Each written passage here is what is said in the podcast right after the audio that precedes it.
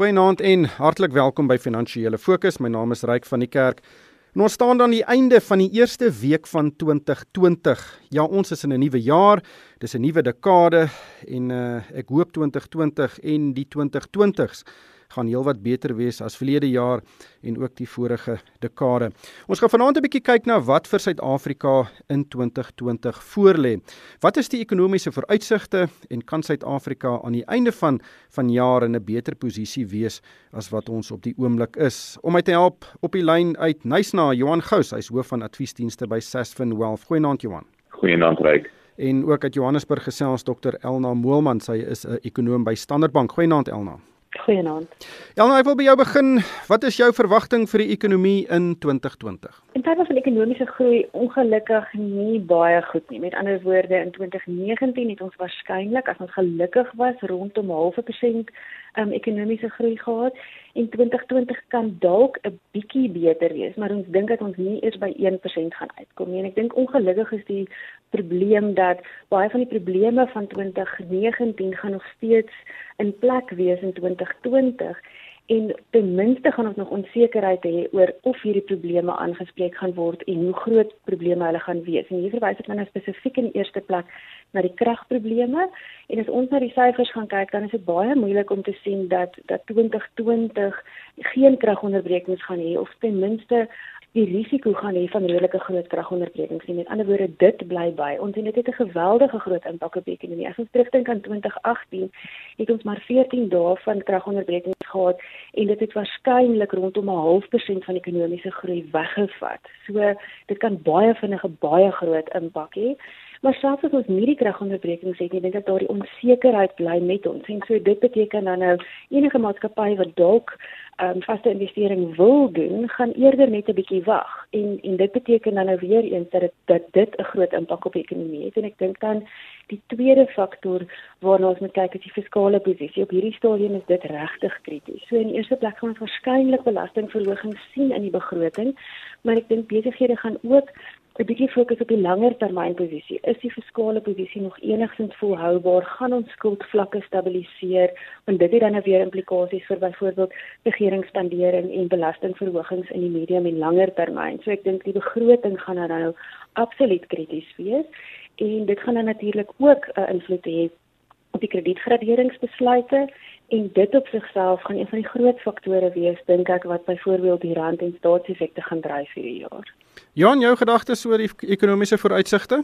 Ja, ek wel kom ons kyk net so 'n bietjie terug. 2018, eerste helfte van die jaar het ons 'n resessie gehad, twee negatiewe maande of kwartaale van groei.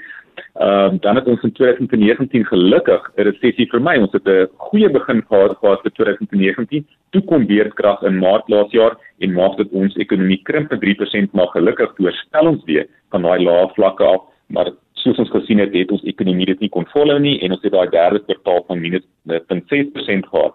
So ons kom van redelike lae vlakke af in die jaar en maar soos Elna ook sê, wat is die drywers wat gaan maak dat ons veel beter groei kan verwag as die moontlike half persent wat ons dan nou laas jaar gehad het. En weer eens kern tot al die goed reik staan ongelukkig die kwessie van sakevertroue, verbruiksvertroue. Wat is dit wat sakevertroue en verbruiksvertroue gaan verbeter? Nou een van die sake gaan wees natuurlik wat is is, is ons planne met Eskom hoe gaan ons die skuldkwessie aanspreek rondom Eskom? Ehm um, en dan natuurlik, jy weet, gaan dit weer gaan oor die kwessie van die kredietgradering en wat dit eintlik dan beteken vir rentekoerse want is die vraag is dan is daar nog moontlike verlagings van rentekoerse wat ons na kan kyk? Ons staan op hierdie repo koers van 6.5% en afhangend van wat gebeur rondom die kredietgradering is daar definitief ruimte vir die uh, reservebank om rentekoerse te verlaag gegee die feit dat inflasie redelik goed onder beheer is. Maar daar's 'n paar kritiese faktore wat ons nodig het wat in plek sal moet val en die begroting reik weer eens gaan so belangrik wees. En daai staatsrede om daardie plaaslike vertroue te skep, maar ook buitelandse beleggers vertroue want ons kort vaste investering vir hierdie ekonomie. Ja, Elna, dit gaan kritiek wees om te hoor wat die president met sy staatsrede sê en ook wat tydens die begroting aangekondig word want ons het in Suid-Afrika min geleenthede waar die regering sy kop op die blok moet sit en sê wat hy beplan en dit is uh, in onseker tye absolute kritieke geleenthede. Wat wil jy graag hoor van die president in sy staatsrede? Ek dink wat ons in die staatsrede sou wil hê is ek dink ons is baie gelukkig wees as ons enige aanduiding kan kry van hoe hulle oor die fiskale posisie dink. Of hulle besef dat ons eintlik nou uit tyd uit gehardloop het dat ons dit nie meer kan aanhou uitstel nie dat ons daadwerklike ingryping nodig het. En hier dink mense nou veral aan die spanderingskant die loonrekening wat definitief in toom gehou sal moet word maar ook die effektiwiteit van spandering wat aangespreek sal word. Maar ons kry nie altyd baie duidelike tekens daaroor in die staatsrede nie so ons sal gelukkig wees as daar wel een of ander aanduiding is ek dink wat wel uit die staatsrede kan kom is dan spesifiek die staatsinstellings en wat die plan daarmee is. Die president het nou die teen die einde van 2019 gepraat daaroor dat hy bereid is om drastiese stappe te neem um, om hierdie staatsinstellings weer volhoubaar te maak en om, om te keer.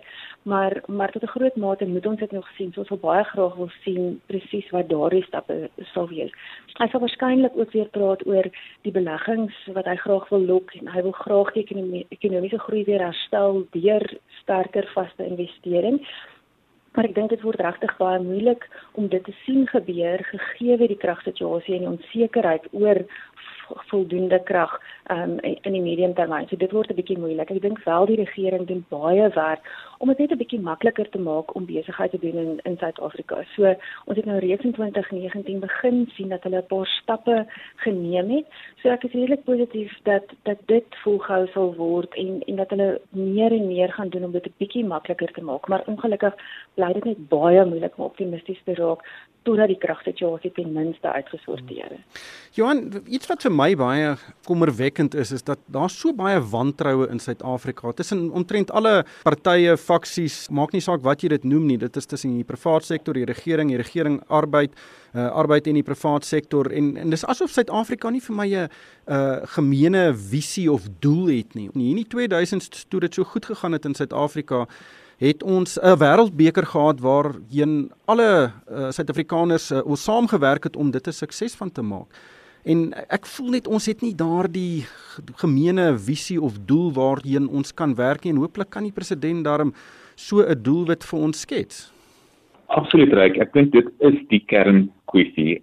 Die die iets wat al nou aangeraak het en dit is my baie belangrik hierdie is gaan daar met die staatsrede 'n idee geskep word of 'n prentjie wat vir ons sê dat daar 'n besef is van dringendheid in terme van wat ons moet doen en wat ons huidige situasie is.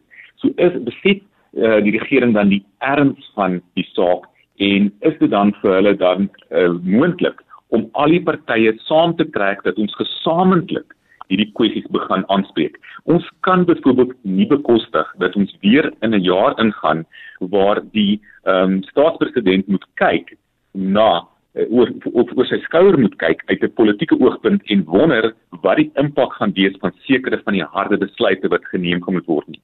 En daarom is dit nodig dat arbeid, besigheid en die regering saam sal moet begin trek. Is ons op daai plek waar ons almal op dieselfde bladsy is? Ek dink nog nie so nie. En daarom dink ek soms moet uh, baie mooi besluit wat is ons prioriteite en hoe kan elkeen 'n rol speel om daardie prioriteite aan te spreek. Elna net na die staatsrede gaan Tito Mboweni of hooplik Tito Mboweni die begroting aankondig.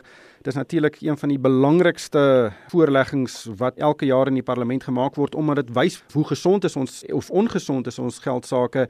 Wat verwag jy van die begroting en meer spesifiek dink jy Suid-Afrikaners kan hulle maar staal vir hoër belastings? Ek dink ons moet definitief regmaak vir hoër belastings veral in terme van die verbruikers. So dit is my gegee dat daar belastingverhogings gaan wees hierdie jaar. Dit is ook moontlik dat hy reeds vir ons 'n aanleiding gaan gee dat daar in daarop volgende jare weer belastingverhogings sal wees. Ek dink die regering het regtig 'n begrip daarvoor dat dit 'n baie negatiewe impak het op die verbruiker en op die ekonomie. En so hulle wil dit graag vermy, maar ek dink dit is amper onvermydelik op hierdie stadium. So hulle sal probeer om dit so min as moontlik te maak, maar ek dink dit is dis onvermydelik. Ek dink die die klem gaan regtig wees op die spanderingskant en en hier raak dit 'n bietjie moeilik want ons is regtig nou op 'n punt waar jy nie meer net marginaal kan skaaf aan hoeveel geld jy spandeer nie. Jy moet nou regtig die groot items begin aanspreek en dit sal dan natuurlik die loonrekening insluit. Die probleem op hierdie stadium is dat ons nog 'n multijaar ooreenkoms het. Met ander woorde, die volgende ooreenkoms sal eers in werking tree in 2021. So dit maak dit vir hom 'n bietjie moeilik om nou al beloftes te maak oor die loonrekening wat dalk dan nou hopelik laer teen 'n laer koers sal groei ensovoorts as hulle nog nie daardie onderhandelinge gehad het nie.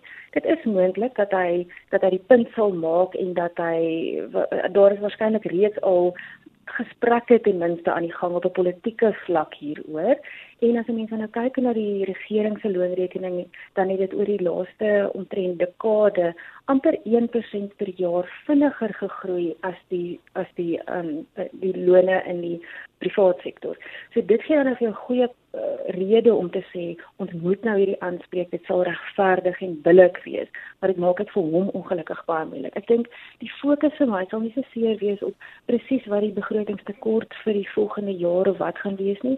Ek dink die fokus en die klem is nou op wat wat is die skuldprofiel in die medium termyn. Ehm um, ons het natuurlik in die mini-begroting gesien aan die einde van 2019 dat die regering nou begin praat van skuldvlakke wat na 80% van BBP styg. Dit raak regtig onbekostigbaar. Dit is maklik om op papier te sê jou skuldvlakke gaan te veel styg, maar ons kan dit dood eenvoudig nie bekostig nie. Mense moet nou sê as jou skuldvlakke op sulke vlakke is, dan spandeer jy waarskynlik 2 of 3 keer soveel aan aan rente as byvoorbeeld aan totale sosiale of welvaarts um, betalings die, die sogenaamde social grants. So ons kan dit nie bekostig nie. Ek dink ons kan dit wel sien dat die regering genoeg kan doen om daardie 80% na so 70% of net meer as dit kan kan neem wat nog steeds problematies en baie duur is, maar dit kan dan nou 'n bietjie meer volhoubaar wees. Johan, kom ons kyk 'n bietjie na die internasionale e ekonomie. Ons het verlede jaar gesien dat daar baie spanning was tussen Amerika en China. Dit het 'n groot impak gehad op verskeie aandelemarkte reg oor die wêreld, inkluis ons eie. Wat verwag jy van die handelsomgewing internasionaal hierdie jaar? Ja, reg, ek dink as ons gaan kyk die impak wat die Chinese en Amerikaanse handelsgesprekke gehad het laas jaar was massief geweest. As jy gaan kyk na wat wêreldhandelsvolumes gedoen het, eintlik sedert die einde van 2018 af. So ek dink wat 'n mens hopelik kan sien is dat daar 'n goeie opvolg op die fase 1 ooreenkoms was wat ons nou aan die einde van laas jaar bereik het en uh waar ons daai sperdatum van 15 Desember net net gemaak het en en en, en ons die addisionele tariewe op iets soos 160 miljard dollar se invoere van China na Amerika uh, toe nou vermy het. Maar die, dit bly 'n baie uh sensitiewe saak hierdie. Ek dink nie ons moet aanvaar dat hierdie die einde van die situasie is nie. Jy weet as ons gaan kyk na die motie van wantroue wat weer meneer Trump het en hom ingebring het, dit kan weer heel ander dinamikas uh ontkoppel.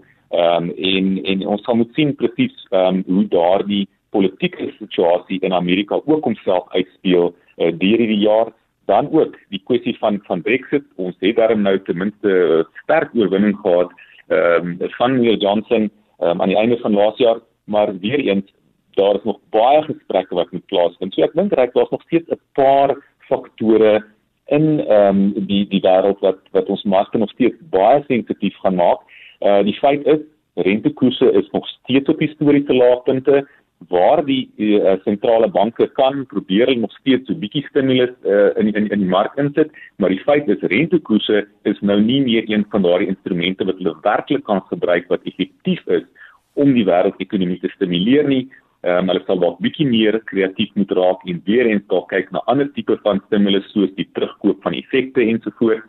Ehm um, maar ek dink uh, op hierdie stadium daar's nog steeds momentum in die wêreldekonomie. Ons het verlangsaming gestuur gesien in in die wêreldekonomie die laaste 12 maande of so, maar dit is nog steeds op 'n tipe van 'n ehm um, gesinkroniseerde basis.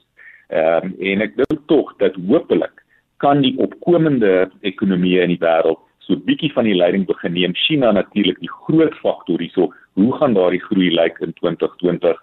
Ehm um, ons weet die regering se beleid is dat hulle daai ekonomie teen so 6% wil groei en ek dink enige iemand sal dit aanvaar en dan sal mense kyk na Indië om te sien of Indië bietjie van daardie ekstra groei vir die wêreldekonomie kan bring.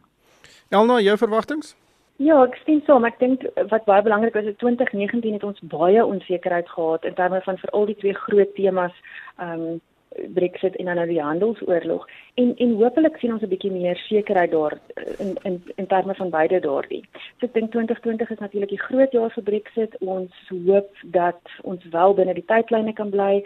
Dit is nogal kort tydlyne om baie groot handelsooreenkomste um, te bereik, maar ons hoop dat dit dan nou afgehandel sal wees en ons 'n bietjie meer sekerheid um, sal sien. In terme van die handelsooreenkomste is ons 'n bietjie bekommerd dat dat ons nou in die kort termyn 'n bietjie verligting sien, toegewings van beide kante af en dit help en is baie bemoedigend.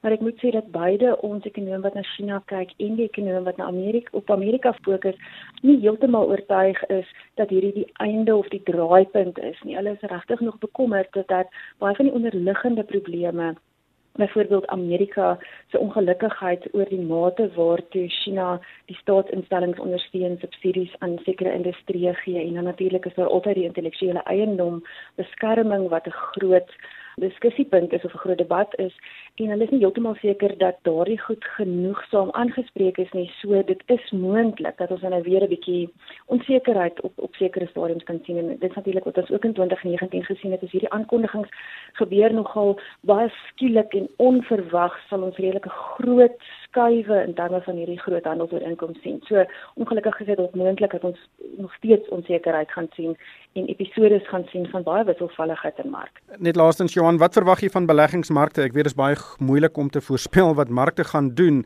maar dink jy dit kan 'n uh, 'n goeie jaar wees? Ryk jou, miskien moet ons sê wat ek verwag versus wat wat ek nou eintlik dink. en nou ek wil werklik graag wil sien dat die plaaslike aandelemark definitief nou so 'n bietjie weer meer begin terugbeweeg na sy langtermyn potensiële groei wat hy kan toon. Weer eens 2019 was nie 'n waggese jaar gewees nie. Ehm um, en as spesifiek as ons gaan kyk na die wêreld markte het eintlik redelik goed gedoen en uh, 'n mens wil graag nou 'n bietjie wil deelneem aan daardie aan daardie groei. Ehm um, so ek hoop dat ons ten minste behoorlike dubbelsyfer groei sal sien en dat ehm um, alhoewel buitelandse aandelemarkte redelik duur is op hierdie stadium uh en ons nou nog steeds voortgaan met hierdie historiese lang bullmark dat daar nog steeds wel momentum in daardie markte kan wees en dan sou ook ons plaaslike mark kan ondersteun. Ons laat daarmee los. Baie baie dankie aan Johan Gous, hy's hoof van adviesdienste by Sasfin Wealth en ook Dr Elna Moelman, sy is 'n ekonom by Standard Bank. En van my ryk van die kerk, dankie vir die saamluister en ek koop almal het 'n uiters winsgewende 2020.